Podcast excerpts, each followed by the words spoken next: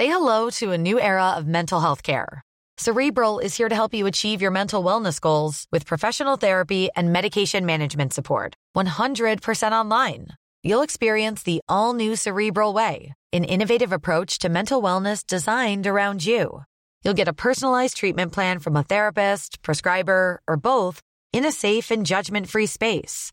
Your cerebral therapist or prescriber will outline a customized plan with clear milestones along the way so you can get to feeling your best. With Cerebral, you're not alone in your mental health journey. We're here to empower you to live a fulfilling life. So take that first step towards a brighter future and sign up today at cerebral.com slash podcast and use code ACasts to get 15% off your first month. Offer only valid on monthly plans. Other exclusions may apply. Offer ends July 31st, 2024. See site for details.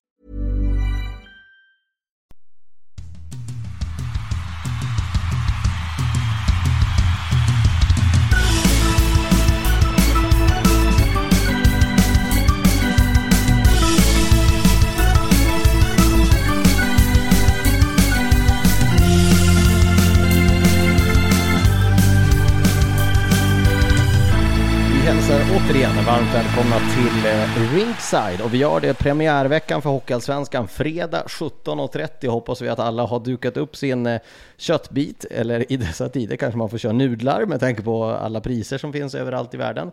För då är det Hockeyallsvensk eh, premiärdag och vi drar igång 17.30 med en sån här superfredag, lång och härlig. I veckan har alla tre i den här podden tillsammans med våra kollegor och övriga Hockeyallsvenskan varit på Hockeyallsvenskans medielunch. Och det var ett nytt eh, upplägg. Eh, Dagen, då var det där många år som spelare. Vi kan ju börja med det. Hur, har de här liksom, upptaktsträffarna varit? Det, det brukar ju inte vara någon sån klang och jubelföreställning jämt. Nej, det var... Nej, fan. Jag, jag blev påverkad av Johan Larsson. Pratar gott Ja. det hela tiden. För underbar dialekt. Låt mig bara säga då lite snabbt. Ingen av er ska i stor utsträckning använda er av dialekter som inte är er egen. Jag, bara- det är ett gott råd från coachen bara. Okej, jag pratar bara gott det. Nej, då. Kör, kör du. Jag tyckte faktiskt att eh, upplägget och det Hockeyallsvenskan gjorde var fem plus. Jättebra upplägg, det var avslappnat. Jag tycker att det var trevligt att ha en medialunch tillsammans med er och, och man fick upp lite spelare, ledare på scen som fick prata lite enkelt och lite avslappnad miljö. Sen vet jag själv hur det är att vara på de där, när man kommer från lag. Det är lätt att det blir klyschor, det blir... Man vill inte sticka ut hakan för mycket, men jag tyckte att framförallt konceptet var jäkligt bra och vilken härlig miljö det var på Fåfängan i Stockholm där. Eh, med alla de här lagen. Men det, man, man, eh, Fredrik sa ju att det, det känns som att man var på en svensexa, man känner alla, man är så tajta, men jag vet inte fasen vad du har varit på för svensexa Fredrik, men det där känns inte som en svensexa. Däremot är Hockeyallsvenskan jäkligt familjär och det känns genuint som att man vill bygga ligan framåt och det tycker Hockeyallsvenskan gör jäkligt bra. Det är ju klart bättre format, det tyckte jag också. Eh, att man avdramatiserar lite grann. Ehm, tanken i grunden är väl ändå att man ska Alltså jag tror backa historiskt. Jag har varit med länge i leken och jag har stått på någon Finlandsfärja. Jag har varit med innan, eh, jag höll på att säga internet fanns, men, men åtminstone på den tiden, om vi backar 20 år då, knappa, som tidningarna hade råd och möjlighet att skicka sina redaktioner. Då var liksom alla lokaltidningar där, alla lokaljournalister där. Sen har ju det här förändrats, det skrivs på ett annat sätt, du har andra möjligheter och en annan tillgänglighet, så att det är ju avdramatiserat på det sättet. Däremot så har det varit en möjlighet för ligorna. Eh, SHL hade ju sin tidigare och, SDHL eh, ihop. H hade sin i måndags att på något sätt profilera det här är ligan, att, att sända signaler. Så att det, det handlar om att sälja sporten och sälja ligan. Den är bra och det tyckte jag att det var. Det var mer lättsamt, det var god eh, lunch, om jag ska sätta betyg på den. Det var någon form av Pannbiff typ. pannbiff eh, med svampsås och mos och. Ja, rårörda lingon. Mycket gott. Och det som också hör till saken, när vi kom ju ganska tidigt där så var vi inne och skulle knycka oss en kaffe lite i olika omgångar. När jag och Kajsa smet in där så gick jag fram till baren och då var det en välklädd stilig kille som eh, log och jag hann få en så här lättare liten blödning innan jag kopplade att det var Sjödell Wiklander, brödernas, eh, som då vad jag förstår har köpt det här stället. Och, men står du här, sa jag. Då svarade han med glimten i ögat. Ja, det är lika bra jag förbereder mig för nästa år så är vi med på det här. Tycker jag är en, en, en, en skön stöddig. Och det kan nog lika gärna vara med det laget Mm. de har satt upp den här säsongen också. De ser eh, en av favoriterna i division 1. Nej, eh, vi kan bara dra lite kort, för det, det sändes ju inte live det här någonstans, bara kort. Eh, vi samlades då alla lag från eh, Hockeyallsvenskan eh, tillsammans med re, medierepresentanter från de stora eh, tidningarna och eh, tv-stationerna. Eh, hade lite mingel där innan, det var sportchefer, tränare och eh, en spelare från alla lag kan man väl dra det över en kam, med några förändringar då såklart. Ehm, det var en liten dragning från Hockeyallsvenskan med nyheter, eh, inte några sådana här jättestora. De kom med en som hette, det var någon satsning för domarnas trygghet som de skulle berätta mer om här i veckan. Visselblåsaren. Visselblåsaren. Visselblåsaren där, ett, ett projekt som vi kommer att få veta mer om den här veckan. Jag vet inte speciellt mycket mer än att man ska jobba för domarnas trygghet egentligen och minska hatet, vilket jag tycker är en bra satsning. Sen fick alla lag presentera sitt, eh, jag var upp där på scenen en sväng, Kajsa från oss var upp, jag och Fredrik var upp och gnabbades lite grann. Eh, och sen eh, så, så fick lagen säga sitt och sen var det då diverse intervjuer där eh, våran kanal till exempel gjorde massa intervjuer till sociala medier och till kommande sändningar och så vidare. Så det var det egentligen i korthet allting som var. Men vi, vi sa det med tanke på att alla inte han var där och alla inte har sett det här så har vi lite spaningar och vi ska summera lite grann vad våra intryck från den här dagen var. Sen är det ju, det är ju rätt tufft att komma upp där. Alltså man ska, man ska säga något, något bra, man ska föra något mer, eh, något mer från klubben. Liksom. Jag vet själv, jag sa något dumt något år, jag sa att vi ska fuska mer i år. Och då trodde folk att, vad fan ska de bloddopa sig i Karlskoga? Eller vad, fan, vad händer där liksom? Är det, är det dopingskandaler? Då menar jag liksom, det ska vara lite mer fulare, man ska dra lite mer i tröjan, det ska vara lite mer innanför skinnet. Så det, det, är inte så lätt hela tiden att gå upp det. Vi, det är många som klagar på klyschor och allting. Jag vet Tillander sa något år också, Martin Tillander som var kapten innan mig. När vi super så super vi, när vi, när vi spelar så spelar vi. Det, liksom, det vart ju också utåt sett, men det, det är svårt att bjuda till eh, på ett sätt. Så jag, jag försvarar de här, att det blir lite klyschor. Sen kan man se det på ett annat sätt också. Man kan bjuda på sig själv, självklart, men det blir lätt klyschor. Jag förstår ju, jag förstår vad du menar. Eh, jag tycker inte det behöver vara, för det finns ett tredje alternativ. Eh, man behöver inte spela Allan eh, och, och vara, liksom försöka vara rolig eller sticka ut och skaffa rubriker. Man behöver heller inte vara klyschig. Jag menar, oj, vart jag dramatiskt på rösten här. Jag menar att man... ja, han håller på att självdö. Det är premiär på fredag Fredrik. Marlboro light ja, ja, men nu fick jag ordning på rösten. Mm. Nej men jag tänker att man kan vara naturlig. Eh, och, och, prata lite grann från hjärtat. Usch vilken röst jag fick. Henne. Kämpa på. bra in i det här.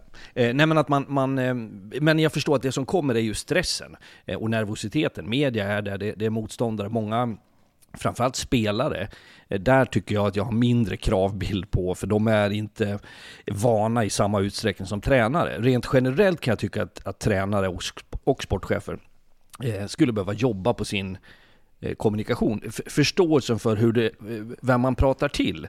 Det här blir en större fråga. Det gäller ju även intervjuer i samband med matcher där det finns de som, som är väldigt avog så att säga mot media, där man väljer att vara lite tvär och sur. Och det man ska komma ihåg i slutändan och landa i alltid, det är ju att det vi pratar om med hockeyspelare om, det är det de sänder och det de pratar till är inte till oss, utan det är ju faktiskt till supportrar, till sponsorer, till, till folk i största allmänhet. Och där, då kan jag tycka ibland att fan, ner med axlarna lite, prata mer från hjärtat. Ska man kolla på det, hur man säljer klubben, kan man ju tänka då också.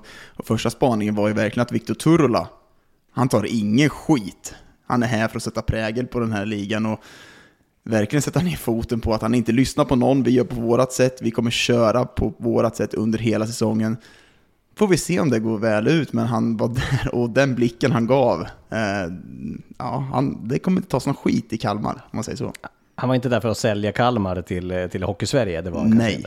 Nej. Men eh, samma eftermiddag på vägen hem på tåget så vart jag uppringd av Jesper Hallberg som är journalist på Barometern, Oskarshamnstidningen som bevakar Kalmar.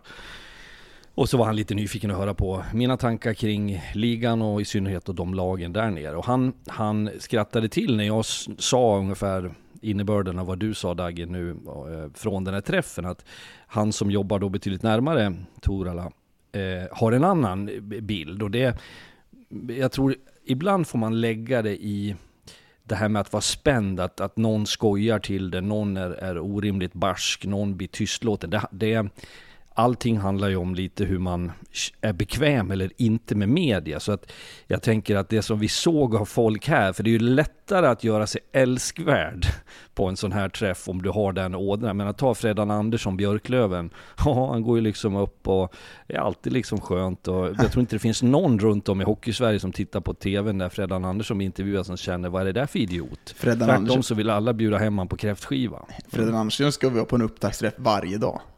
Han passar in perfekt och flyter runt omkring och är lite skön. Så han säljer verkligen Björklöven på ett bra sätt. Eh, men, men jag är inne på det där Fredrik, jag tycker att du är helt rätt på det där. Att man, man måste förstå lite mer vem man pratar till. Jag tycker att det där ofta glöms bort. Nu är jag såklart på tv-sidan, men jag tycker att även när jag har sett på sport innan jag jobbar med journalistik så är jag lite förundrad över att folk inte fattar att det är ditt tillfälle att få ut ditt budskap att eh, man måste förstå, får du en mikrofon så har du möjlighet att förklara dig till dina, eller, eller i alla fall ge din syn till dina supportrar istället för att känna dig inbackad av en fråga. Säg det du vill få fram, ha ett budskap och förmedla det på ett sätt. Det tycker jag vi, många har blivit bättre men jag tycker fortfarande att det finns eh, en eh, förbättringspotential. Ja, du har helt rätt. Det, det, det är för många som inte förstår Eh, konsekvenserna av ett, av ett sämre beteende. Och då handlar inte det om att man inte får säga vad man tycker och tänker, för den debatten kommer ju varje år. Jag vågar inte säga någonting för då, då får jag skit eller jag får böter.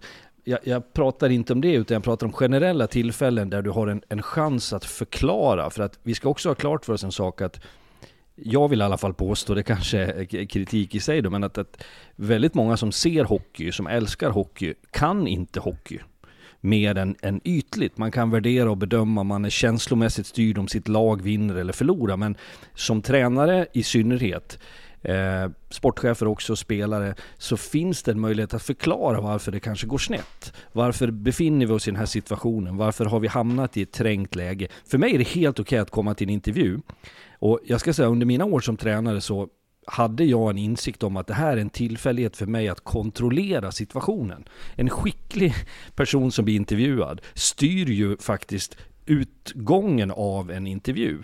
Eh, och det, det, tror jag man ska förstå. Och jag menar att du får komma till en intervju och vara hur sur och tvär som helst. För det finns ju en kritik, den här vet jag, den har jag fått till mig också genom åren, framförallt nu då så länge jag varit med TV. Att de tycker att det är för jävligt att vi tar tränare efter en förlust att man, man, man ska ha förståelse och respekt för att de faktiskt eh, mår dåligt. Men det är en del av arbetsuppgiften och det får även en spelare vara beredd att faktiskt ofta en lagkapten, att förklara. Och det, det, tycker jag hör till. Och att man då dyker upp och ser ut som ett, ett åskmoln, det är helt okej. Okay. Att du är sur, gärna. Men det är en, en linje som går mellan att vara sur och bedrövad eller att vara dum.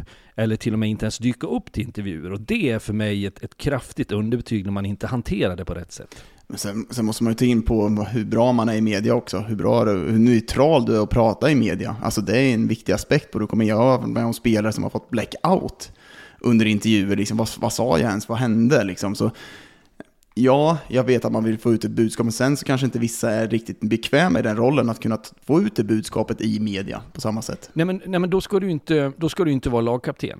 Då nej. ska du inte vara tränare. Exakt. Nej, för det, det, Fredrik, det vet jag att du har sagt till mig några gånger, jag vet inte om du har sagt det i podden. Men eh, det är ju faktiskt, en tränare måste ju kunna förmedla sitt budskap. Kan man inte göra det till laget, kan man inte göra det till sina fans, då, har, då ska man kanske inte vara huvudtränare helt enkelt. Nej. Alltså, Nej. för jag menar, om du inte kan kommunicera vad, vad du vill att ditt lag ska stå för till, i en enkel intervju där du ska förklara det, då, då, vet jag inte om du ska stå som yttersta ansvarig Nej. för en klubb. Sen tror jag, det här vet ju du Lars bättre än mig och Daggen som har varit i, i media eh, under eh, lång tid. Eh, men att alla, på den här korta tiden jag har varit med så har vi lärt oss vilka man gärna pratar med, mm. som öppnar upp sig, som kanske säger för mycket. Man har också lärt sig vilka, jag har spelare som jag har tränat, jag har varit med om att tala om för media att om ni kan undvika den här killen, gör det. För jag vet att han mår dåligt. För det, det är det du touchar vid ja. lite Dagen, att det finns de som säger att de får en blackout. Mm. Vi har ju sett spelare som står och skakar när man ska göra intervjuer och där får ju media se till att vara respektfulla, ja. att man inte tvingar någon. Det finns ju de som har också, det finns ju sådana som har problem att, att prata, att du stammar, du kanske blir uppjagad eller att du, det kan ju vara saker och det, det jag tror att det handlar om respekt från två håll. Mm. Jag vill bara flika in där en grej som, som man ofta eh, får som kritik från, från eh, tittare. Att man eh, står där, att man, eh, man gör liksom eh, någon en gentjänst eller man är eh, dum mot någon. Det kanske inte kommer så ofta. Men det folk måste förstå att våran, våran lojalitet ligger ju inte hos lagen. Vår lojalitet ligger ju hos tv-tittaren. Tv-tittaren är ju den som vi är där för att serva. Vi står där för att ställa frågor, för det kan man inte göra hemifrån tv-soffan. Utan när ett lag har förlorat så måste tv-tittaren få, få veta det de funderar över och då är det naturligt att pratar man om en sak, då kan någon komma dit och vara så jäkla tvär. Ja, ska du prata om det där? Jo, men om alla pratar om det, då har jag inte varit lojal mot tv-tittaren om inte den får svar på den frågan. Då måste den frågan ställas. Och det är där som är, folk liksom går, går back och går, går fel ibland. Men jag vill bara flika in det. Jag har ett exempel också, men Daggen hade ett inspel. Nej, jag tycker generellt sett att vi är dåliga på att eh, mediaträna våra spelare och ledare i, i hockey-Sverige. Vi ser i USA och Kanada så är det en del av eh, ishockeyspelandet, att lära sig ta media på ett sätt. För vi pratar ju om det, man säljer sin klubb. Det är jätteviktigt hur vi kommunicerar ut. Men det, det, förekommer. Det förekommer ju mediautbildning. Eh, eh sen ser det lite olika ut och kanske från centralt håll, om vi pratar Hockeyallsvenskan, så, så tror jag inte att det är någon sån. Jag har varit med om det med lag, då kanske man har haft någon lokal där och jag vet att SHL-lagen har haft eh, genomgångar. Jag har ju varit också vid tillfällen och träffat tränare eh, på de här två säsongerna där, där det har varit sån här tränarutbildning där man har och pratat lite grann om situationer. Sen är det ju en hårfin gräns det där, för att jag vill heller inte att det ska vara, jag vill inte att tränare och spelare och sportchef ska låta som politiker att det bara är runda svar, att man är preppad på att det finns ju inget mer älskvärt än, eh, ta den här killen i Karlskoga, Klavhed, heter han så? Klav, ja. som, som dök upp i, i, i, i den matchen med Karlskoga mot Björklöven var det va? Och bara kör. Fast bara det, kör. Jag, jag, säger inte att bara för du är med, om vi kollar på typ Sam Halland då, som har fört sig otrolig i, i media under sina år som tränare, både i Karlskoga, Växjö nu och i landslaget, så har ju han tagit för sig på ett sätt som är... Men han är ju inte mediatränare, han är mediavan. Mediavan, men han... Ja. Det, är en, det, är en, väsentlig skillnad. Ja, men han för sig i media. Han för sig ja, i media. Absolut, det, och det, det, det behöver man bli bättre på. Men jag tänker att det skulle vara för sen tror jag, bara för att vi ska vara självkritiska också, så finns det ju folk i våran bransch som har bränt folk. Ja. Som kanske har ställt frågor vid fel tillfällen eller tryckt på på, på punkter som man borde undvika. Eh, som har kanske skadat relationen mellan media och eh, utförare. Ja, och där, där måste man ju själv gå till sig själv och känna det att eh, vill du att folk ska komma till din eh, intervjumikrofon och, och känna att de, kan läm- att de alltid lämnar med värdigheten kvar. För jag menar, det finns ju de som eh, på riktigt vill, eh, vill sänka folk. Nu är det inte jättevanligt längre. Men eh, det sätter jag i alla fall en otrolig stolthet i att även om du ska få tuffa frågor, men du ska inte gå därifrån och känna att du är berövad av din värdighet. Jag hade ett exempel bara som vi vill ta lite kort innan vi ska komma in på våra intryck här från den här upptaktsträffen. Eh, och sen ska vi prata, prata hockey också. Men jag vet faktiskt, det var en tränare i ett lag, jag behöver inte nämna vilket lag det var, för några år sedan som eh, hade fört sig på ett väldigt dåligt sätt, som var arrogant, som var eh, sny, fnyste och liksom dumförklarade folk som ställde frågor åt honom hela tiden. Och då var det faktiskt en tränare som var tränare i det laget eh, innan som ringde upp till den här personen och, och sa det. Hörru du, eh, ska du stå som ytterst ansvarig för klubben som jag har tränat, då får du faktiskt eh, bete dig på ett mänskligt och okej okay sätt. Liksom så här kan man inte bete sig om du är ytterst ansvarig för din klubb. Och efter det så blev det en väsentlig förbättring.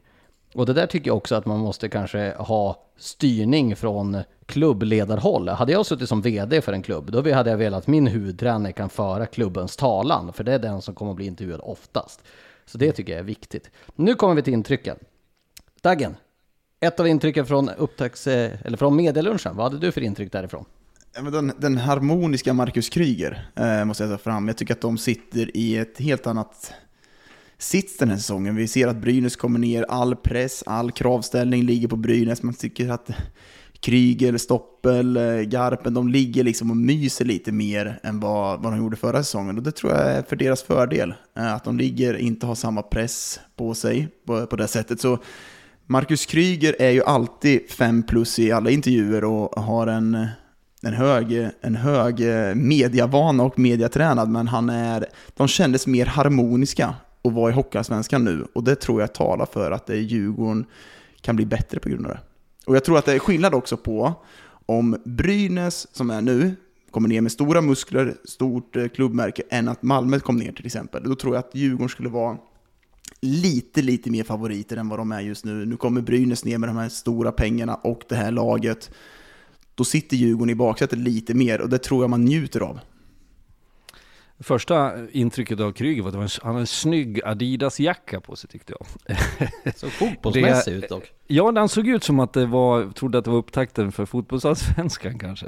Eh, men han känns ju alltid lugn och där, bara för att eh, koppla ihop det med vad vi pratade om, så både eh, Kryger och Garpen är ju eh, rejält medievana och skickliga. Kryger utstrålar ju ett lugn, jag tycker det är en sån där som jag skulle vilja ha med mig på en båt. Om båten började brinna så skulle jag definitivt gå åt det hållet som han gick och jag skulle lyssna på vad han sa. Problemet är, är väl att KG, han inte hade ja. velat med dig.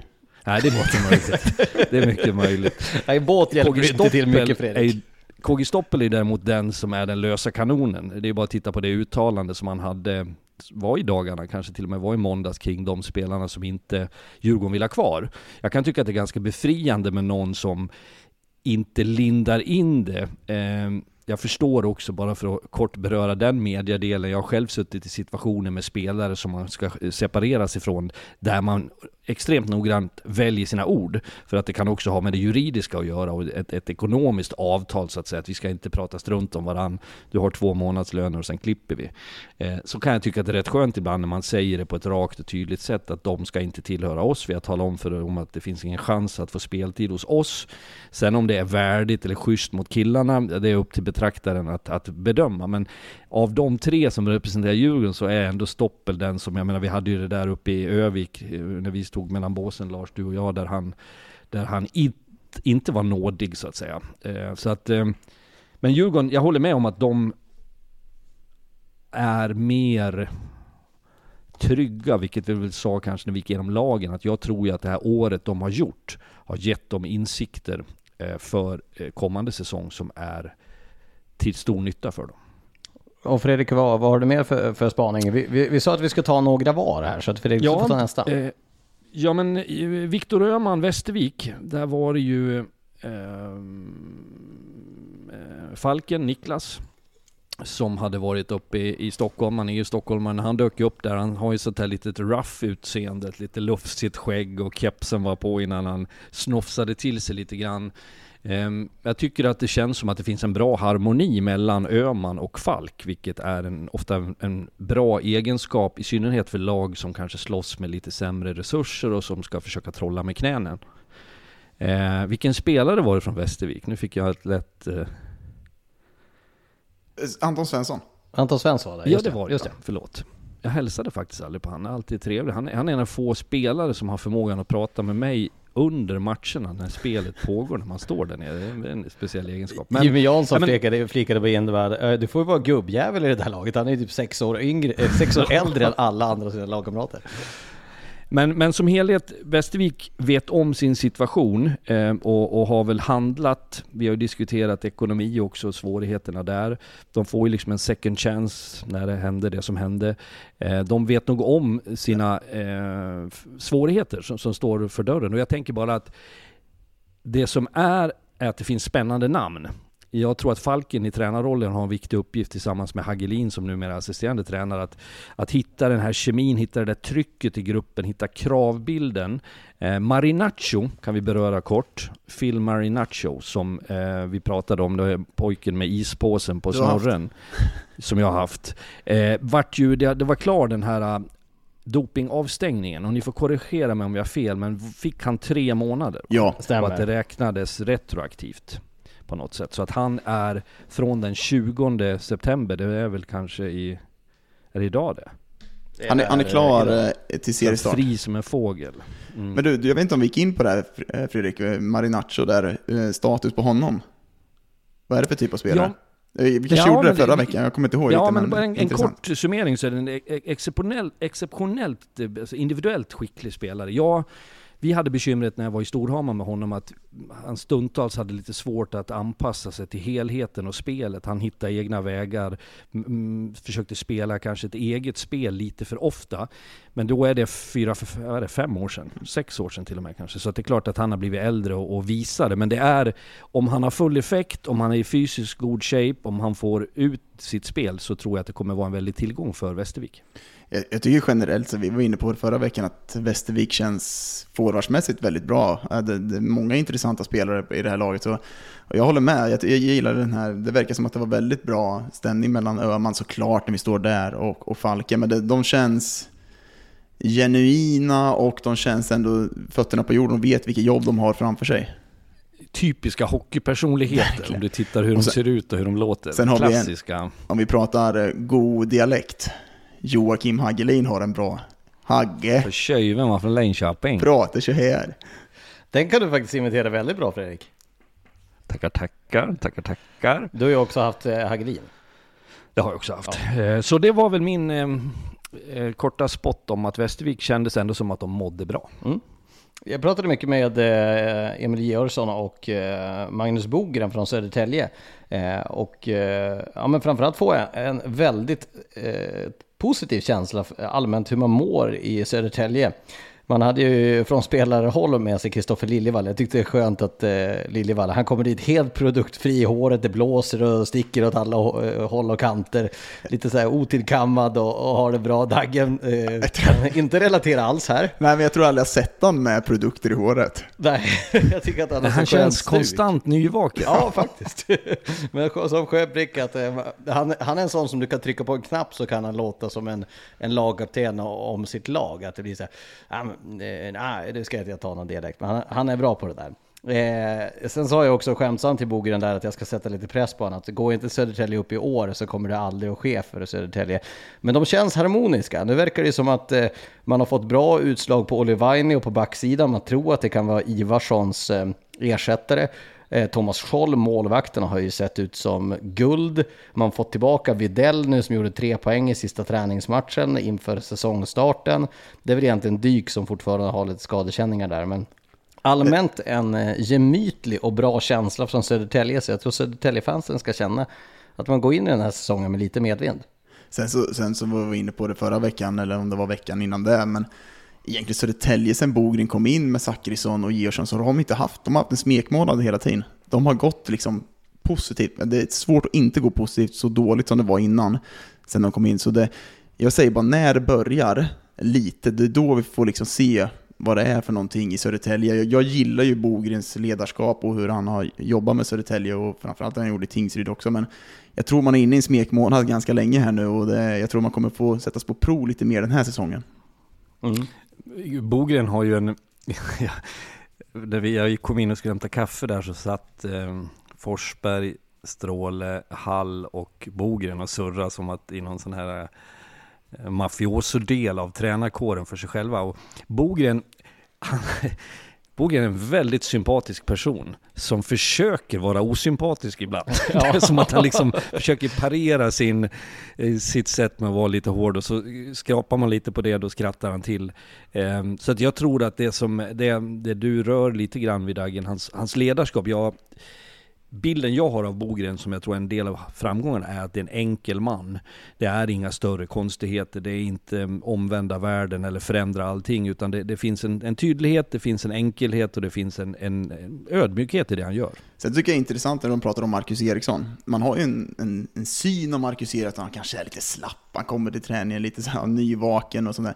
Men det är ett fullbordsproffs har åkt till varje träning under försäsongen, gjort allting för att förbereda sig, älskar hockey, där och driver laget. Så vi pratar om att det här är den mest intressanta värvningen eh, den här säsongen och få se vad han kan få ut i Södertälje. Så de berömmer han mycket. Men sen, Vete Vainio, Kommer han spela något den här säsongen? Jag såg att han ja. var skadad på grund av att en junior eller var det en ungdomsspelare hade åkt in i honom. vi prata om va? Mm. Ja, vi pratade om det för någon vecka sedan. Men, men han, han är ju otursförföljd och jag höll på att säga det är ju nästan en bonus för Södertälje om han spelar. För han har ju varit, ja men vad är det, fyra säsonger eller någonting utan att spela en halv säsong ens. Kan det vara så att de bara har en tröja med Vainio, så den som är med har den? De sparar Bara pengar. en sytråd. Det har hänt mig faktiskt. jag och Steve Saviano, Mike Gulden när jag spelade i Växjö Lakers i SO, Elitserien hette det då. Så åker vi upp till Timrå. Eh, han har glömt sin tröja. Janne Karlsson låter mig och Steve Saviano kök sten, sax, påse om vem som får sitta på läktaren. Jag vinner med en sten mot en sax och får vara med på bänken hela matchen i Timrå. Steve Saviano fick gå upp, han fick ta Savianos tröja och spela matchen. Så kan vara sant. Jag vill inte säga vad jag tänkte där, men move on Lars. Ja, jag tänkte, jag hade, var inte han ganska liten Steve han hade för mig? Eh, men det var länge sedan. Eh, Dagen, nästa spaning, vad har du med därifrån? Ja, men, eh, lite kaxiga AIK, eh, med Niklas Persson i spetsen. Jag tycker att man har en mer kraft utåt med att man pratar om AIK, att de ska vara contender i år, att de ska vara topp 4, de ska vara med där och slåss. Han tycker att de har en trupp som ska finnas där. Och jag tycker att det har saknats lite i AIK den här sen 18-19 säsonger, att man har man tävlar inte på samma sätt. Jag tycker det är en vinnarkultur som måste in i, i klubben. Sen om det kommer bita dem i röven, men Niklas Persson, utåt sett så är de han går hårt ut nu att AIK ska vara med där, för den här truppen ska vara enligt honom. Så vi får se hur det tas vid. De har ju fått eh, Matthew Mayoni nu som ju många pratar upp, alltså på pappret kan vara en topp eh, 5, topp 10 back i den här ligan. Nu verkar han vara tillbaka och kanske spelredo till, till premiären också. Det där är ju nyckeln att få in en första back som de har letat efter.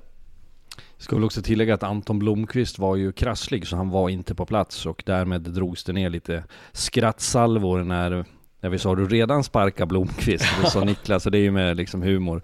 Ja, nog för att jag är van att sparka tränare, men det brukar aldrig vara så här tidigt, så att eh, han var ju med på bilden där istället. Men det, det som jag kanske har tänkt lite kring AIK på slutet här är väl att de har haft en väldigt stökig försäsong, och det kanske inte kommer ha någon inverkan så att säga direkt om man nu har fått tillbaks folk, för då är man driven av att det är lite nyhetens behag och passionen finns där när första matcherna spelas. Men min erfarenhet är i alla fall att det brukar komma en konsekvens av det. det. Det är olyckligt när man har för mycket som stökar till det. Alla lag har förvisso någon sjuk och någon skadad, men för vissa så blir det extra kostsamt och det, och det, det, det brukar inte vara något bra att det, det har skett. Mm.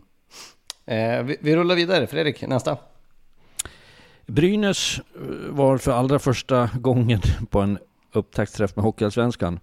Eh, Niklas Hjellstedt, ny tränare, var på scenen där, fick lite frågor. Vi stod och pratade lite grann efter. Jag känner Niklas sedan lång tid tillbaks, men det är ingen som jag har någon relation till idag på det sättet så att säga. Men han har varit i Schweiz under ett antal år, har jobbat eh, och i Rapperswil. Han var även i Zug tillsammans med Dan Tangnes här på den senare tiden, men vände tillbaka till, han är väl från Södertälje från början vad Gälla en gång i tiden. Han var en väldigt duktig spelare i, på sin tid. Men sen har han ju spelat för Brynäs, så att det är väl lite som att komma hem.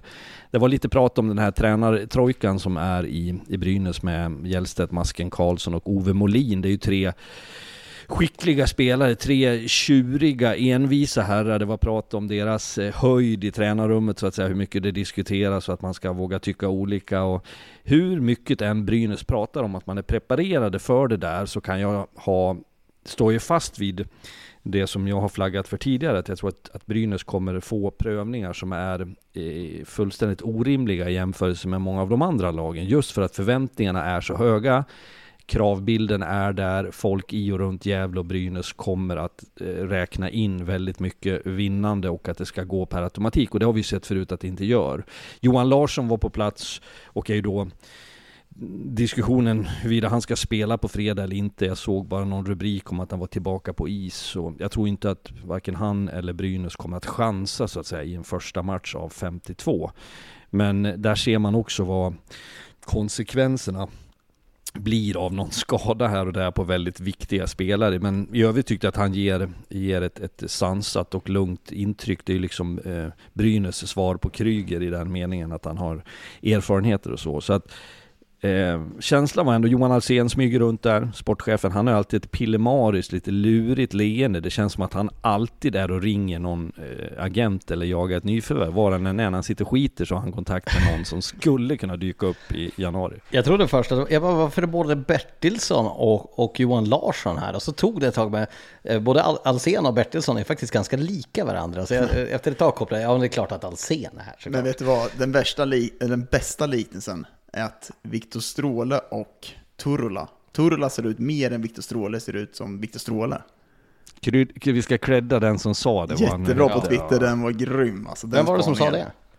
Vet inte. Det var ju någon kul kille som frågade sig varför Viktor Stråle, eller varför Torella var lik, mer lik Stråle än vad Stråle var lik sig själv. Ja, jag kom faktiskt inte på vem det var som skrev det, men den som skrev Ja, det var- var äras till kille. den som äras bör. Verkligen. på tal om det vi pratade om i början, jag tycker att det var snyggt av Västerås att eh, ha med sig ett eh, eget medieteam som, eh, som drev, drev på och gjorde eget innehåll för att eh, förmedla intresset till västeråsarna. Det, det tycker jag är cred. Det var ju faktiskt bara Västerås som hade det.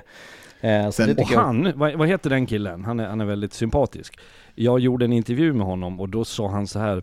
Du hade ju, äh, han sa inte indirekt, jag vill på, tänka att han sa att du hade ju väldigt rätt förra året när du pratade om Västerås. För jag ibland på sådana här träffar om det dyker upp en kamera så, så, så säger man någonting bara. Men jag hade tydligen haft, jag vill bara lägga det till handlingarna, jag hade haft rätt i min bedömning av Västerås förra säsongen. Det är ni. Wow. wow! Ja, hur många hade räknat med att de skulle hamna där? ja? Dagge, du lät inte imponerad. Wow! Han är ny i det här, han vet inte hur det är att bli bedömd. Jag hade rätt. Vi, vi... behöver, för Daggen, kommer vi behöva ha någon sandlast med oss till studion eller kommer du vara lugnare och mindre nervös i år? Jag tänkte så vi inte, du behöver inte behöva sättas ner hela nya TV4-studion. Nej, jag tror att pulsen inte kommer ligga på max i alla fall. Fredrik eh, har ju berättat om sin också. Det ringde väl i klockan där några dagar senare. Men det, nej, jag känner mig mer harmonisk eh, den här gången och lite mer lugn. För, förra gången så ringde våran, våran producent eh, och, som gör körscheman, han ringde två veckor innan och gick igenom. Och då, då började det snurra i skallen för mig hela tiden där. Så nu, nu känner jag mig mer lugnt och tillfreds med rollen. Men jag bröt dig om Västerås Lars. Ja, nej, men jag, ty jag tycker bara allmänt att det känns, eh, känns positivt i Västerås också. Nu är det ju, vi ska ju eh, rätta oss lite grann nu. Alla är ju positiva nu. Det har inte kommit stormarna. Alla har gjort försäsongen. Många har skadefria trupper, trupper inte minst Västerås. Som ju faktiskt eh, går in i, i den här säsongen helt utan skador och frånvaro just nu då, förutom att Kem fick åka hem. Eh, men jag tycker bara allmänt att det, det, det känns som att det andas positiv luft där. Karl Helmersson kommer in med, med ett lite mer defensivt tänk, en bra backsida som eh, vi har pratat om lite grann där. Och jag tror att Karl Helmersson att det kan bli en bra match i Västerås med kravställning på defensiven, med Örjan Limmark som assisterande tränare. Jag, jag får positiva vibbar. Jag ska bara dra min sista spaning också, då får ni gå vidare med era. Eh, för du var inne på det med, med Torula Viktor Stråle och Daggen att Viktor Stråle snusade lös-snus. Det var för mig en jätteskräll. Och så, så, han, var, han, han kom ju från Ikea-land här i, i södra delen av Sverige. Men det var jätteskräll. Är inte han från... Eh, Älmhult är Älmhult? Dio heter klubben där. Ja. Men det var jätteskräll för mig. Viktor Stråle kändes eh, inte alls som en lösnusare av det man känner utifrån. Men jag blev positivt överraskad av det. Ja, det- Han känns som en, eh, en portionare. Eller inte Ja. snusare överhuvudtaget. Han känns ren på något sätt. Nyduschad känns Viktor Stråle. Men eh, om vi ska gå bara tillbaka lite med Kemp där, som vi diskuterade, om man pratar lite med västeråsarna så var det ju ett... eh, Att det, det verkar ju som de pratar utåt sett så är det ju att det är Kemp som själv ville lämna klubben och han ville tillsammans med sambon inte trivdes i Västerås och ville se sig om på något annat. Och man ville väl kanske ha lite mer, att han skulle vänta lite in i det och se hur säsongen tog sig, men han valde att sticka och gjorde det. Hans fru var ju tydligen, eh, de var gifta tydligen, eh, trots att de var ganska unga. Och hon hade ju sagt att eh, jag kommer att dra. Eh, vilket gjorde att Kemp till slut då valde att flytta hem. Det hade hänt lite oroligheter på, på sidan av, av isen. Och som jag förstod det så var det ett helt familjärt beslut det här. Eh, I alla fall allting som berättas. Så jag tror helt enkelt att eh, Västerås kände att ja, men vi får möta det här. De har pengar kvar att handla till framtiden.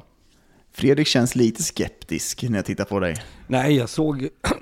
det är sällan man i text ser eh, stora bokstäver, alltså versaler på ett svar. Och det var det på Niklas Johansson hade svarat någon. Så att jag, jag ska naturligtvis inte påstå någonting annat där. Men jag, som jag sa tidigare här i, i podden idag så har jag också varit med om andra där man har hänvisat till olika skäl. Där, eh, där det faktiskt handlar om att man inte tycker att spelaren är tillräckligt bra eller att Ja. spelaren tycker att tränaren är dum i huvudet och då, då använder man fina ord. Så att det, men eh, här får vi ju tro på vad de säger då. Och det ser vi ju i Västervik, så Quintin Howden var ju inte tillräckligt bra för Eh, Han var klappkass, ja, sa Viktor Öhman. Och det, det är väl bra jag fick, att se, säga det. fick faktiskt se han live när jag var i Vimmerby och kollade på matchen där och han såg riktigt seg ut eh, i skridskoåkningen så jag tror att man gjorde rätt i att göra sig av med honom tidigt skede.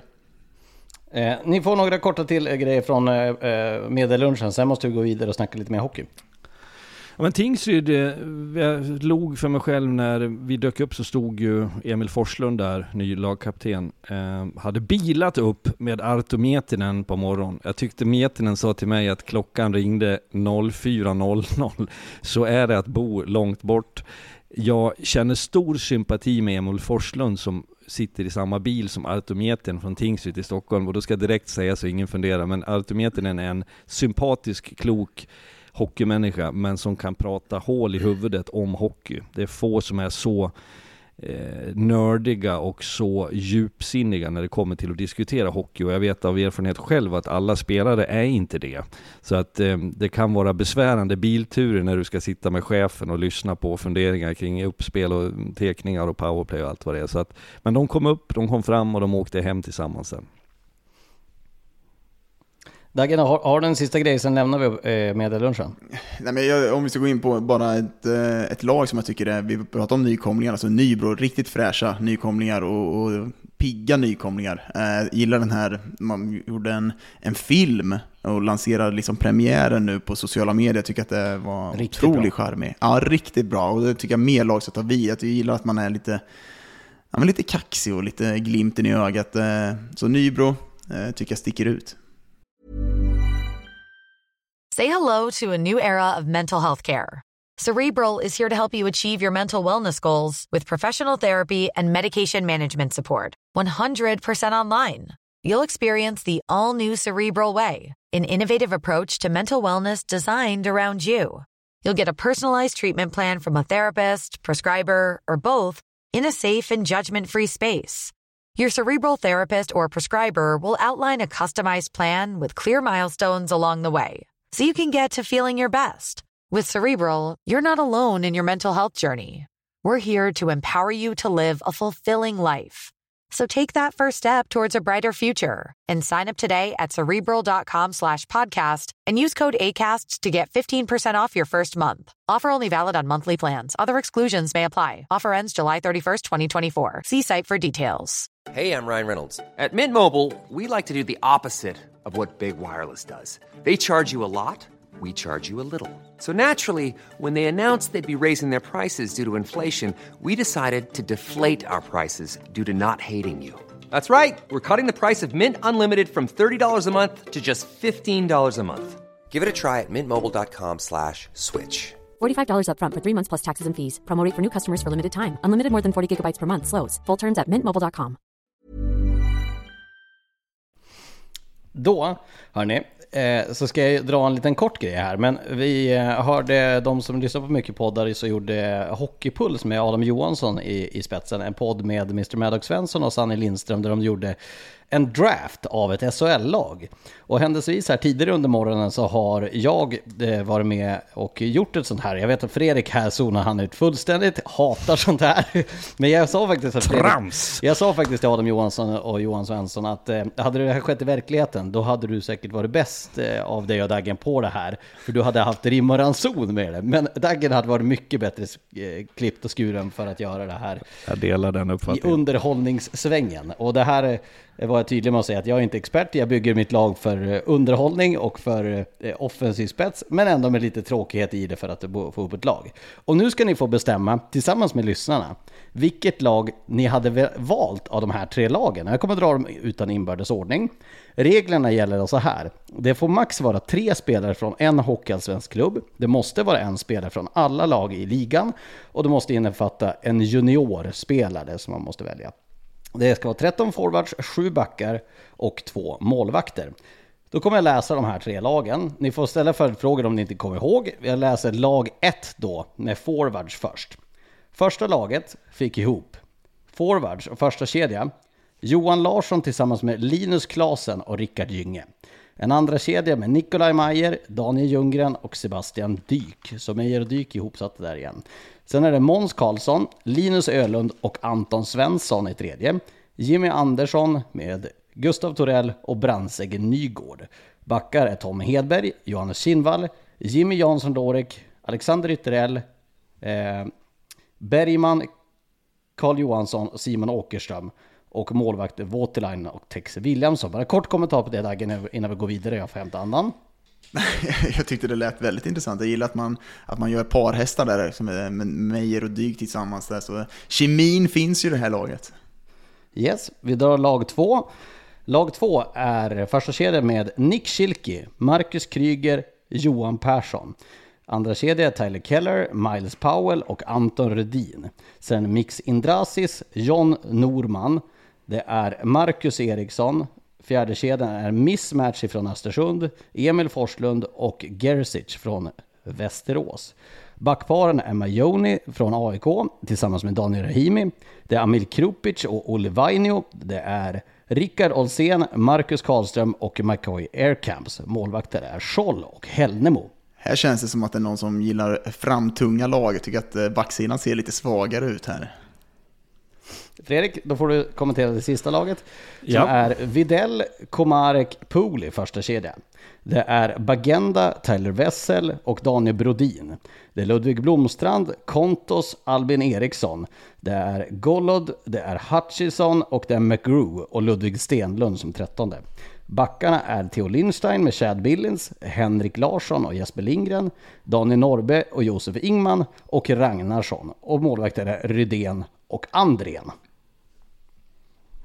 Oj, ja men för det första så blir jag så här Jag har inte tänkt i de här banorna liksom att man plockar ett landslag från Hockeyallsvenskan typ Eh, Så det, det, det blir ju lite så här lättliggande här, här var det Videll Poli och vem hade du med i första Komarek linjen? första kedjan. Vi, vi Komarek, kan dra ja. de tre första kedjorna. Den, första laget hade alltså Gynge, Johan Larsson och Glasen. Andra hade Johan Persson, Marcus Kryger och Nick Schilke. Och tredje hade Videll, Komarek och Pooley. Men jag tänker nog först tänkte jag på när du sa Linus Ölund, har de en domare med i första innan jag tänkte, då hade, ju, då hade jag valt det. Eh, för då hade man kunnat korrigera Det var saker på isen. Men- Kronor-spelare i fjol. Ja, ja, jo jag vet, men jag, jag har domaren i huvudet. Det känns som att det Eh, var Lars lag, för att han försvarade den. Mm, jo, det, nej men tre, lag tre är det som spontant faller mig på läppen om jag skulle ha gjort ett val tror jag. Jag, jag, jag tycker att eh, lag två eh, forwardsuppsättning kändes bra, sen att vi backsidan kändes lite svagare. Men jag, jag går på lag två, för att ska man räkna fantasypoäng så tror jag att det kan bli mycket, mycket poäng på, den, eh, på de forwardspositionerna. Sen vet vi ju Rahimi kan dunka in en 20-30 poäng, det, det finns det. Så Jag är inte förvånad att ni sitter i samma båt. Ni har lite samma syn på hockey och... Ja, men nu jobbar vi erfarenhet. Fantasy Fredrik, då ska man få poäng för vissa saker och då tror jag att det är den här offensiva kraften i eh, de här fyra kedjorna kommer sticka Kolla, ut. Daggen växer. För Daggen valde Men mitt måste, lag. Mitt måste det lag inte var lag också två. vara eh, att, att det ska, man lär ju vinna lite och gå bra. Eh, Är det inget värde i att man går bra som lag eller? Ja men du tänker att Ol- Olle Vainio och Amil Krupic and- andra backpar, de kommer att släppa in mycket defensivt. Eller att Rickard Olsén och Marcus Karlström är ett dåligt tredje backpar. Jag ställde en fråga och kräver ett rakt svar. Vad är syftet? Ska man Syftet gå är långt att man som ska lag? vinna. Ja. Ja, Du man får poäng för mål, laget. assist. Ja, men vi, det ja. var också att man ska få ett Ja, det bra måste ju vara balanserat mer- lag.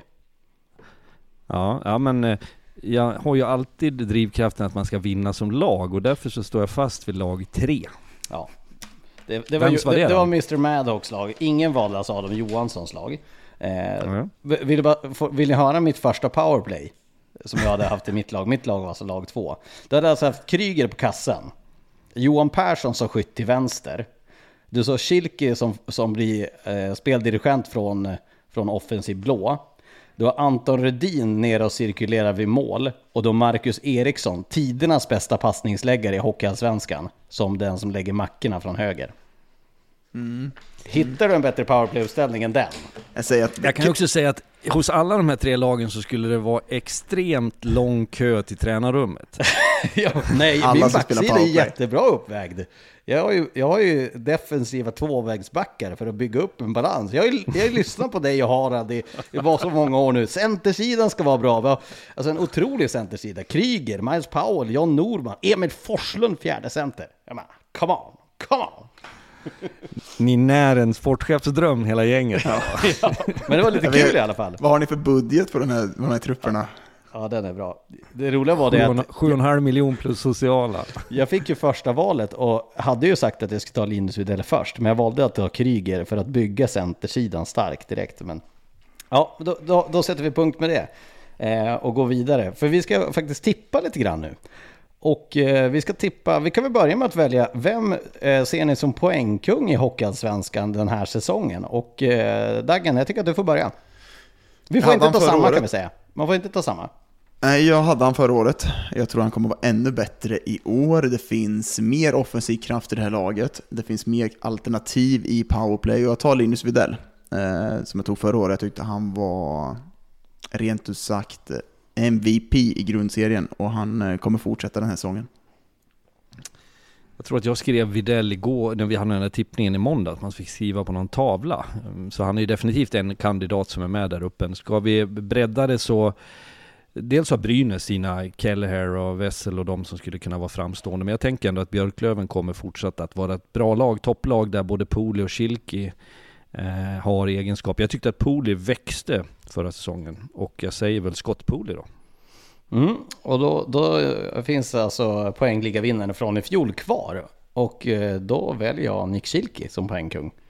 Så har vi tagit varsin där uppe. Finns det någon där bara om vi, om vi så här, tänk, tänker utanför boxen lite nu? Ja, Har vi någon smygare någonstans jag kommer lägga den på mål, målkontot kommer jag nog dra ett lite överraskande kort. Men jag sa ju Daniel Ljunggren i fjol, han blev trea eller någonting. Så det var ju inte så långt bort.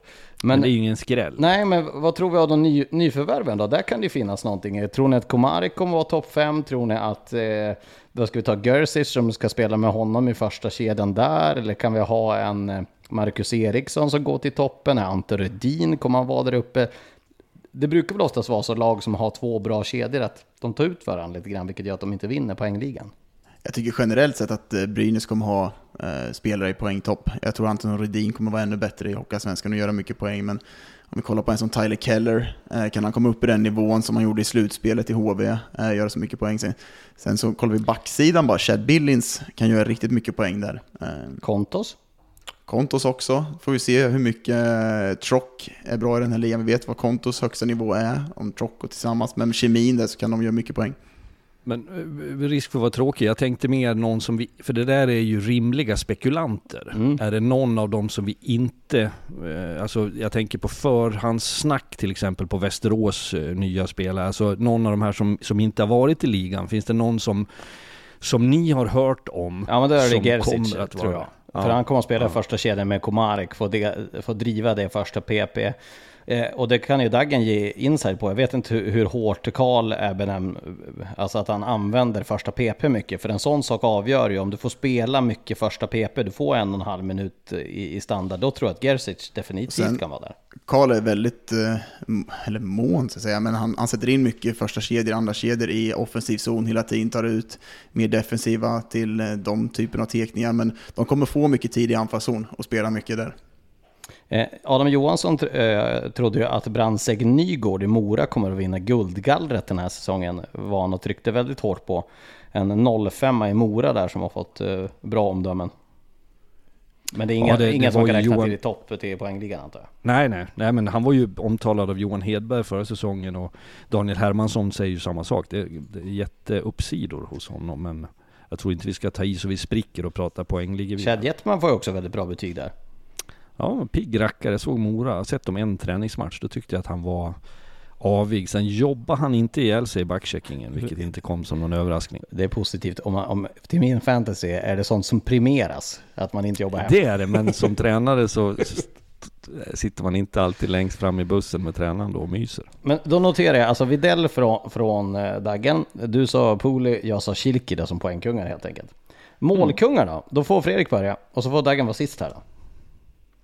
Ja, ska jag, jag vill ju inte vara tråkig för då skulle jag kunna säga att det är Poli som, som gör så pass mycket mål och dessutom får assist då. Eh, men då säger jag att det är eh, Linus Videll gör flest mål. Eh, och då kanske Daggen tänker att hans radarpartner, han kanske kommer att ta Dik där. Men jag, jag slänger faktiskt in eh, ett lite oväntat namn. Och det här blir ju oprövat, för det här blir ju spekulativt. Men den jag tror... backen i, i Västervik. Exakt, det blir Aircoy McComps. Nej, han tror att eh, Västervik eh, kommer få bud på under säsongen. Men jag tror att eh, Mix Indrasis kommer att ösa in mål i, i Brynäs. Och är Johan Larsson hel nu från start så verkar tanken vara att han ska gå en kedja med Jack Kopacka och Johan Larsson. Det känns också balanserat där att eh, Johan Larsson båda håll, Indrasis är den som kommer vara spetsen. Jag tror stenhårt på Mix Indrasis. Ja, eh, nu ska jag ta ut Olle Liss. Tar jag. Oj! Olle Liss, Återstuds. 22, 22 mål förra säsongen. Under Men grundserien. nu är det den här säsongen va? Mm, men 22 mål under grundserien är förra säsongen. Men tror han, han, tror han kan göra så mycket mål i powerplay? För han har ju fått en ganska undanskymd roll i 5 mot 5-spelet att läsa. Har han det? Nu, nu, nu ska han spela med, med Linus Klasen där. Eh, och Klasen tillsammans med Emil Berglund och Olle Liss. Får de lite kemi där. Ja, Olle Liss, boom, boom, boom. Det kommer smälla där Fredrik. det skulle kunna vara något. Sen, alltså, Bra skott. Johan Persson har väl en svacka på 20 matcher, sen smäller han in 40 mål. Helt otroligt att han gör 30 mål förra säsongen och då gjorde han väl sju matcher innan han gjorde första eller något sånt där och det var ett straffmål.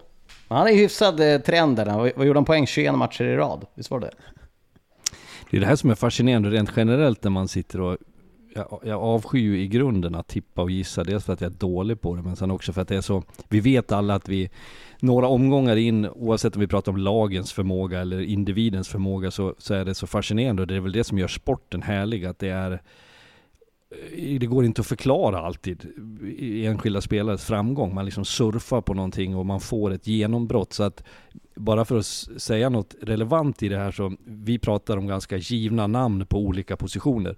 Så tycker jag det är kittlande tanke att det, att det kommer någon eh, på utsidan som ingen har förväntat sig. mm. Som kommer att sticka ut som väldigt skicklig spelare. Och sen ingår det i, i, i ert jobb att, att sköta en del tippning inför säsongen. Det är ju sånt som ni inte kommer undan tyvärr, men när ni har välbetalda lönecheckar från TV4. Och det biter oss i arslet varje jävla gång. Vad du brukar säga Fredrik? Att det är enklare att skita när arslet är fullt. Precis. Du, eh, målvakter då? Vem blir bästa målvakt i ligan?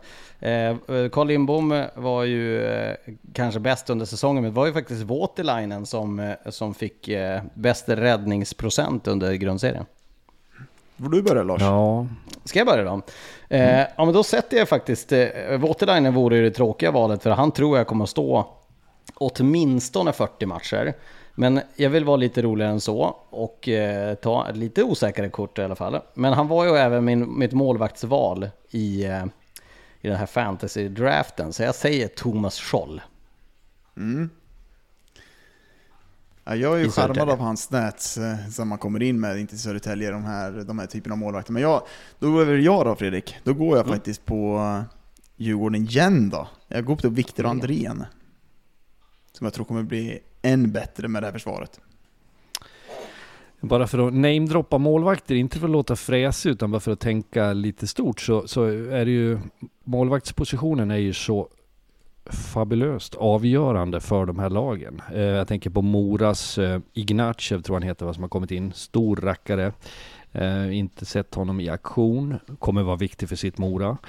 Hellgren Smed, eh, Karlskoga, tycker jag har vuxit, kommit eh, mer än vad jag kanske kände till från förut men har, har varit riktigt bra. Där ställer jag mig frågan om det var en förklaring i att han och Volden var det va? Mm. Jag blandar ihop Haukeland och Volden. Haukeland som har skrivit 10 målvakterna. års kontrakt i Ja, Tyskland, såg du det? Så det, sju år i alla kontrakt fall. till, ja, till 2030, det är helt otroligt. det är ju, kontrakt. vad hette han i Islanders som blev, blev draftad, målvakten som skrev 10 års kontrakt eller någonting direkt? Nu kommer jag inte på det på rak arm.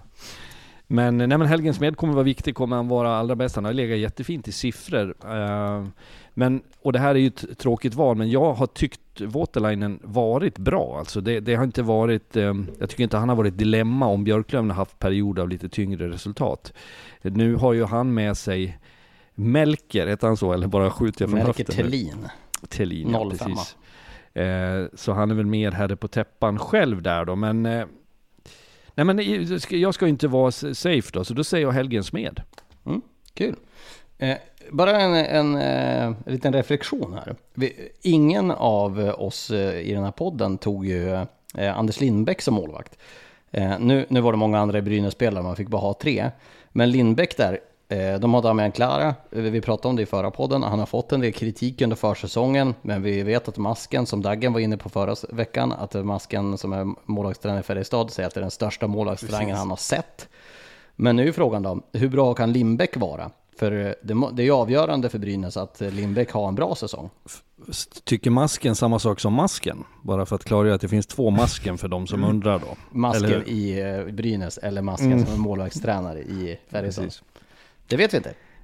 Nej, ja, men Lindbäck, det råder väl inga tvivel om att han i grund och botten har eh, hög kapacitet. Sen var ju han, eh, hade ju lite, det var ju lite turbulent kring honom förra säsongen i Brynäs, men det tror jag snarare handlade om att det var generellt väldigt stökigt och att, att han hamnade snett. Han hade prestationer som inte var tillräckligt bra, men var, var förklaringen låg. Sen valde man att ta in en finne som jag tappat namnet på nu, som, som var liksom högklassig. Och det var stökigt kort och gott, men att, att kunna begära att Lindbäck ska vara bra för Brynäs, det tycker jag vi kan vara överens om. Mm. Det ska vi verkligen kräva det. Han har hög potential, men han har ju varit bra över länge under många år. Så jag har, har väl han, jag sätter han som en av seriens bästa målvakter och har förväntningar på att han ska vara det också. Sen så är han ju ute och flänger mycket med klubban. Han påminner mycket om Oli the Goalie, Fredrik.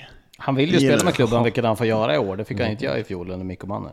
Nej, och det tycker jag är häftigt med målvakter som är ute. Jag tycker att det är en del av målvaktsspelet som vi måste utveckla i svensk hockey. Eh, det var Jussi Olkinaure som kom, kom in i Brynäs förra säsongen. Som pratade sån flytande svenska. Hans pappa hade varit typ chefredaktör på Svenska Dagbladet när han växte upp. Han pratade svenska, stockholmska så här som finne.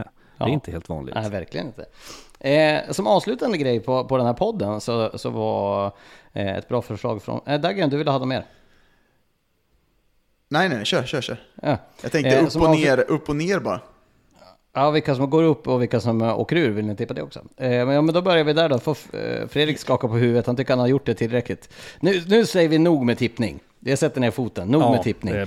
Nu Det ska vi dra lite information om vad som hände från oss på TV4. Det var ju några som slarvigt sa Simor på eh, den här medielunchen och Simor finns ju inte längre. Utan eh, vi jobbar för TV4 och TV4 kommer att vara avsändare för våra sändningar från Hockeyallsvenskan. Vi börjar ju på fredag med en superfredag, start 17.30. Där det först är Brynäs AIK, sen är det fem matcher så börjar klockan 19 och eh, alla, alla 14 dagen spelar. Och 20.30 så är det Djurgården mot, och till Björklöven. Eh, och vår uppställning från TV4 kan ju vara värt att, att dra också med tanke på att det är också ägare av den här podden.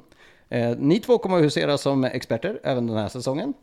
Ni kommer även att få med er ett eh, nyförvärv då Harald Lyckner inte kommer att finnas med oss den här säsongen. Han har tackat för sig. Efter 50 år i hockeyns tjänst så är det istället Johan Thornberg som ska vara med er lite grann och köra eh, en, en hel del kommentering. Och eh, vad tänker ni om att få en Thornberg i gänget? Känns det bra. Eh, först ska vi säga, vi, vi hyllade ju Harald och tackade för lång och trogen tjänst under våren här när han hade klivit åt sidan. Pratade med Harald häromdagen. Han är en lycklig eh, pensionär, golfande sådan, eh, och han kände att det var helt rätt beslut. Men vi, jag vet att vi är överens där grabbar, men vi, vi reserverar oss för att när när väl hockeyn drar igång, när han ska sitta i soffan på Hammarö istället för att flänga runt och vara med i, i elden så att säga, så kommer han nog att sakna det och eh, allt har väl sin tid så att eh, han har tagit sig vidare och att Tornberg dyker upp. Tornberg är ju också, trots att inte han eh, är lastgammal så har ju han extremt mycket rutin. Han har varit runt på olika kanaler och varit med väldigt länge och är ju exceptionellt initierad. Eh, har ju sin eh, skärpa ibland på detaljer som, som jag inte ens är i närheten av att uppfatta. Så att det kommer att vara en, det blir en injektion för oss med Tornberg. Sen fick vi höra att eh, Tommy Samuelsson var rätt lack på Harald. Han spelar alltså, Harald spelar alltså över 100 runder per säsong, ändå varje gång fyra provsving när han kommer fram till bollen. Fyra provsving. Så Tommy är tacksam att Harald är borta för det, de har ju någon så här syskon, eh, nästan relation de från uppväxten så att eh, Harald har ju stuckit kniven emellanåt, inte i, i sändning då men innan på, på stackars Tommy så nu, nu slipper han Harald. Jag kommer säkert att göra oss påminn under säsongen ändå. Eh, Dagen, vi ska också säga att du, du har skrivit ett nytt avtal. Du kommer att vara med oss, eh, är det två eller tre säsonger? Så att du, du istället för att vara rookie så har du fått ett A-lagskontrakt. Hur känns det? Ja, men, eh, skitkul får jag säga. Jag trivdes jättebra. Ni var snälla mot mig förra säsongen och att få chansen att göra det här i, i två säsonger till det känns eh, jag är väldigt lycklig att få göra. Jag älskar hockey och jag blir bara mer och mer sugen på att se hockey och prata hockey eh, ju mer jag gör det här. Jag och Fredrik har ju suckat under sommaren när du efter två veckors ledighet sa nu får jag dra igång podden igen, nu är det snart hockey. Och jag och Fredrik sa men för i helvete, det är fyra månader till vi dra igång. Eh, men eh, stort grattis till det och kul att ha med dig fortsättningsvis Daggen. Vi ska säga programledarparet, eh, jag och Kajsa kommer att programleda även den här säsongen. Kommentatorer kommer att vara Stefan Klemes, den eh, smygande ja. snygge. Fick du som... något svar på, var jo, det någon som tog att Erik det var Ryman, sportchef i Hockeyallsvenskan, gissade Aha. faktiskt rätt. Men han var den enda. Det var många som gissade faktiskt på Ja, det var allt mellan himmel och jord. Men eh, Stefan Klemets eh, blir ju trygg kommentator fortsättningsvis. Han kommer även ha med sig Tobias Karlsson som kommer att kommentera. Sen kommer jag kliva in mer i kommentatorshytten den här säsongen eh, och kommentera lite mer matcher. Eh, få, få med i pulsen lite mer och, och inte bara stå i studion. Och sen kommer även Linus Eklund att eh, vara med lite grann och, och kommentera. Så det är vårat så. ställ. Och den stora nyheten till i år är Men ju... vänta bara, innan ja. du går vidare på nyheten då, så är det ju också, ska vi påminna om att vi har gästartister eh, i den eh, mening som ja. på Superfredagar. Så att eh, om jag förstått det rätt så på fredag så är Kajsa Kalmeus och Tobbe Karlsson i med Tornberg i Gävle. Yes, och på, och på Hovet. Hovet är det Klemets och Sanny Lindström. Lindström. Jajamän. Sanny ska vara med oss. Jag tror att han kommer att vara med fler superfredagar om jag har förstått det här rätt. Så eh, Sanny, kul att ha med Sanny i det hockeyallsvenska gänget också. Det som är så kul med Sanny är ju det att han är ju minst sagt hockeypassionerad. Han följer ju båda ligorna slaviskt och eh, är ju en trogen tittare till oss på fredagskvällarna. Han brukar ju skicka eh, På spåret-resorna till mig, det är Fredrik på sms. Så jag är ju mordhotad vid, vid flertalet tillfällen. Men eh, Sanny, han vill nog gärna vara med oss på fredagarna när han sitter hemma där och vill vara med i hockeyn. Så kul att ha med Sanne i gänget. Den stora nyheten för i år är ju ett, att vi får ett studiebord på Superfredag. Det känns ju väldigt skönt. Fredrik, hur var det där? Du hade ju ont i ryggen i söndags. Ja, jag, det var ju inte planerat. Staffan Kronvall var sjuk så jag skulle vara ledig men hoppade in. Så jag och Lasse Granqvist och Petter Rönnqvist körde ju då, då var ju det en uppgradering. Eh, torsdagen när det började så var det Sanny och Lena som körde med det där teskedsgumman-bordet som var väldigt lågt. Jag såg att det väckte ju reaktioner. Sen eh, hamnade vi där i lördags och fick ju diverse svaga omdömen kring våra hållningar och studions upplägg i stort. Eh, sen ska det ju sägas, jag tycker det är viktigt för att när det här disk började diskuteras, eh, och jag ska inte vara den som uttalar mig, jag såg att vår chef Rickard Segerborn hade en, en, ganska lång intervju med Expressen igår, där han förklarar lite tankarna vad TV4 vill göra. Eh, så det är inte så att vi bestämmer innehåll, vi bestämmer hur en studio så ska se ut, utan någon talar om för oss hur det ska vara. Men då var det ju sagt från början att eh, Superfredagarna ska behålla bordet. Eh, så att det är inte för att vi har fått kritik för avsaknaden av bordet. Och det där bara, jag ska bara flika in en grej, sen jag började med TV så, så upptäcker jag att jag har bland annat en kvinna som, eh, när jag handlar i matbutiken, eh, som vid ett, ett par tillfällen har flygit på mig och varit rosenrasande för att när hon ska se vissa matcher, det var Leksands matcher då, eh, så har de bytt kanal från 171 till 170 eller något sånt där.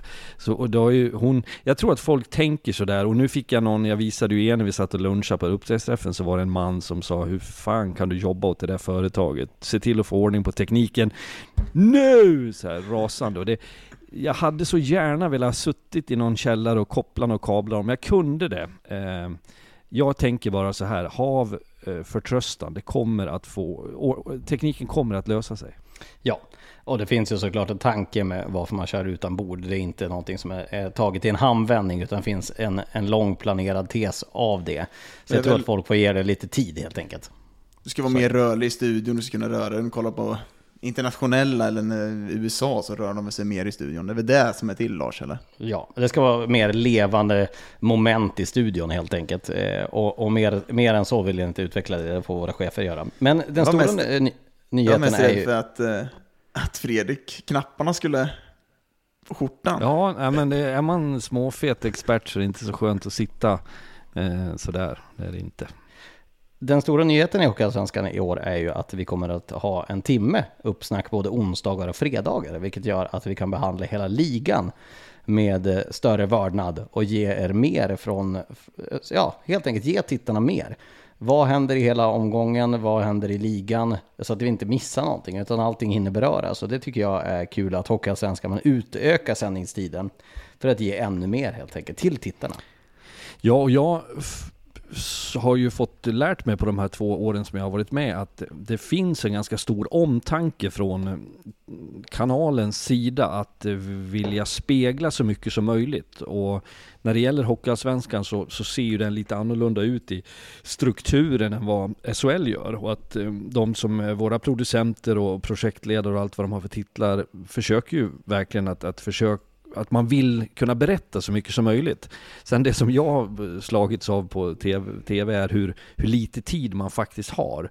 Det finns så mycket man skulle vilja berätta, man skulle vilja gå igenom alla lagen, man skulle vilja hamna på djupet i diskussioner, man skulle vilja analysera på ett annat sätt. Men det är rumphugget och det är kort och det är relativt korta instick. Så att det handlar om att vara konkret, det handlar om att försöka ge en så bra bild som möjligt. Och där tror jag också att vi, eh, om jag ska vara självgod för en stund, med Hockeyallsvenskan och de här superfredagarna tycker jag är ett bra jag såg att det var någon som var jättearg på dig Lars, som, som från Södertälje, som slutade jobba halv sex och han missade första perioden. Så det, det som visar om podden, det, det, är inte för alla, men för alla som vill.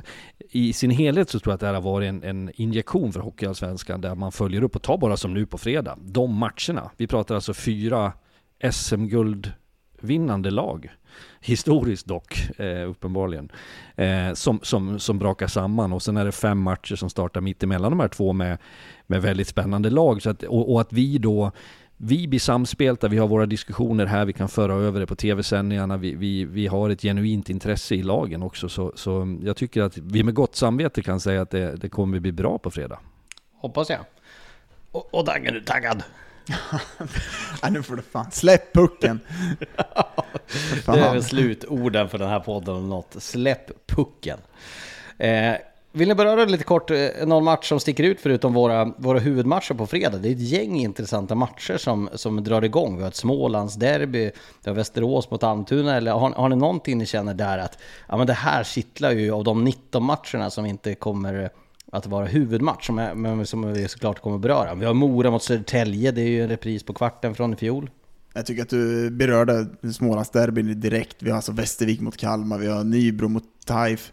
Alltså de här Smålandsderbyna. Och det, det, får man väl också prata om. Liksom. De ska alltså spela, det är fyra lag i Småland. De här matcherna lever sitt egna liv och, och man pratar derbyn och det kommer bli lapp och lucka. Det kommer vara en helt annan tempo på de typerna av matcherna. Vem hanterar dem bäst? Vilket lag gör det? Så de matcherna, eh, vi har pratat om i Nybro och Kalmar att de är charmiga nykomlingar och få se dem direkt här göra upp i, i premiäromgången är ju hyperintressant. Jag tänker att Västerås med den eh, det ombyggna, ombyggnationen som har skett där eh, mot ett Almtuna och jag, jag, jag, jag, jag, jag, jag tjuvar lite nu genom att säga, jag har inte statistik som bekräftar det, men jag har en känsla av att Almtuna brukar spöka för Västerås, även om Västerås ska vara det bättre laget eh, vid olika tillfällen. Så det, det är ju en grundpremiss som är relevant. Säkert mycket folk i Västerås, eh, man är nyfiken på det nya bygget. Kan man direkt smacka dit Almtuna eller är Almtuna den dark horse som många vak, eh, pratar om. Det är ju alla i Västerås tänker också. Vi ska vinna. Det finns inget annat. Vi vet att premiärer lever sitt egna liv lite. Det är resultat som vi kanske inte kommer kunna se under, under 52 omgångar, men premiären är speciell, det är lite, lite fjärilar i magen på många spelare, så det är, en, det är en tuff eh, premiär för Västerås att få Almtuna där som har eh, allt att vinna och komma till ABB Arena. Mm. Och sista länk, eh, matchen vi inte har berört är eh, BIK Skoga mot Östersund. Det är den sjunde och sista matchen. Hörni, med det 17.30 drar vi igång på fredag. Nu är det premiärvecka och eh, vi hoppas att ni har velat lyssna på oss. Eh, eh, ni som har gjort det och är med nu, så säger vi vi ses på fredag. Då är det äntligen dags för premiär och Hockeyallsvenskan säsongen 23-24. Vi hörs då! Tjo flöjt!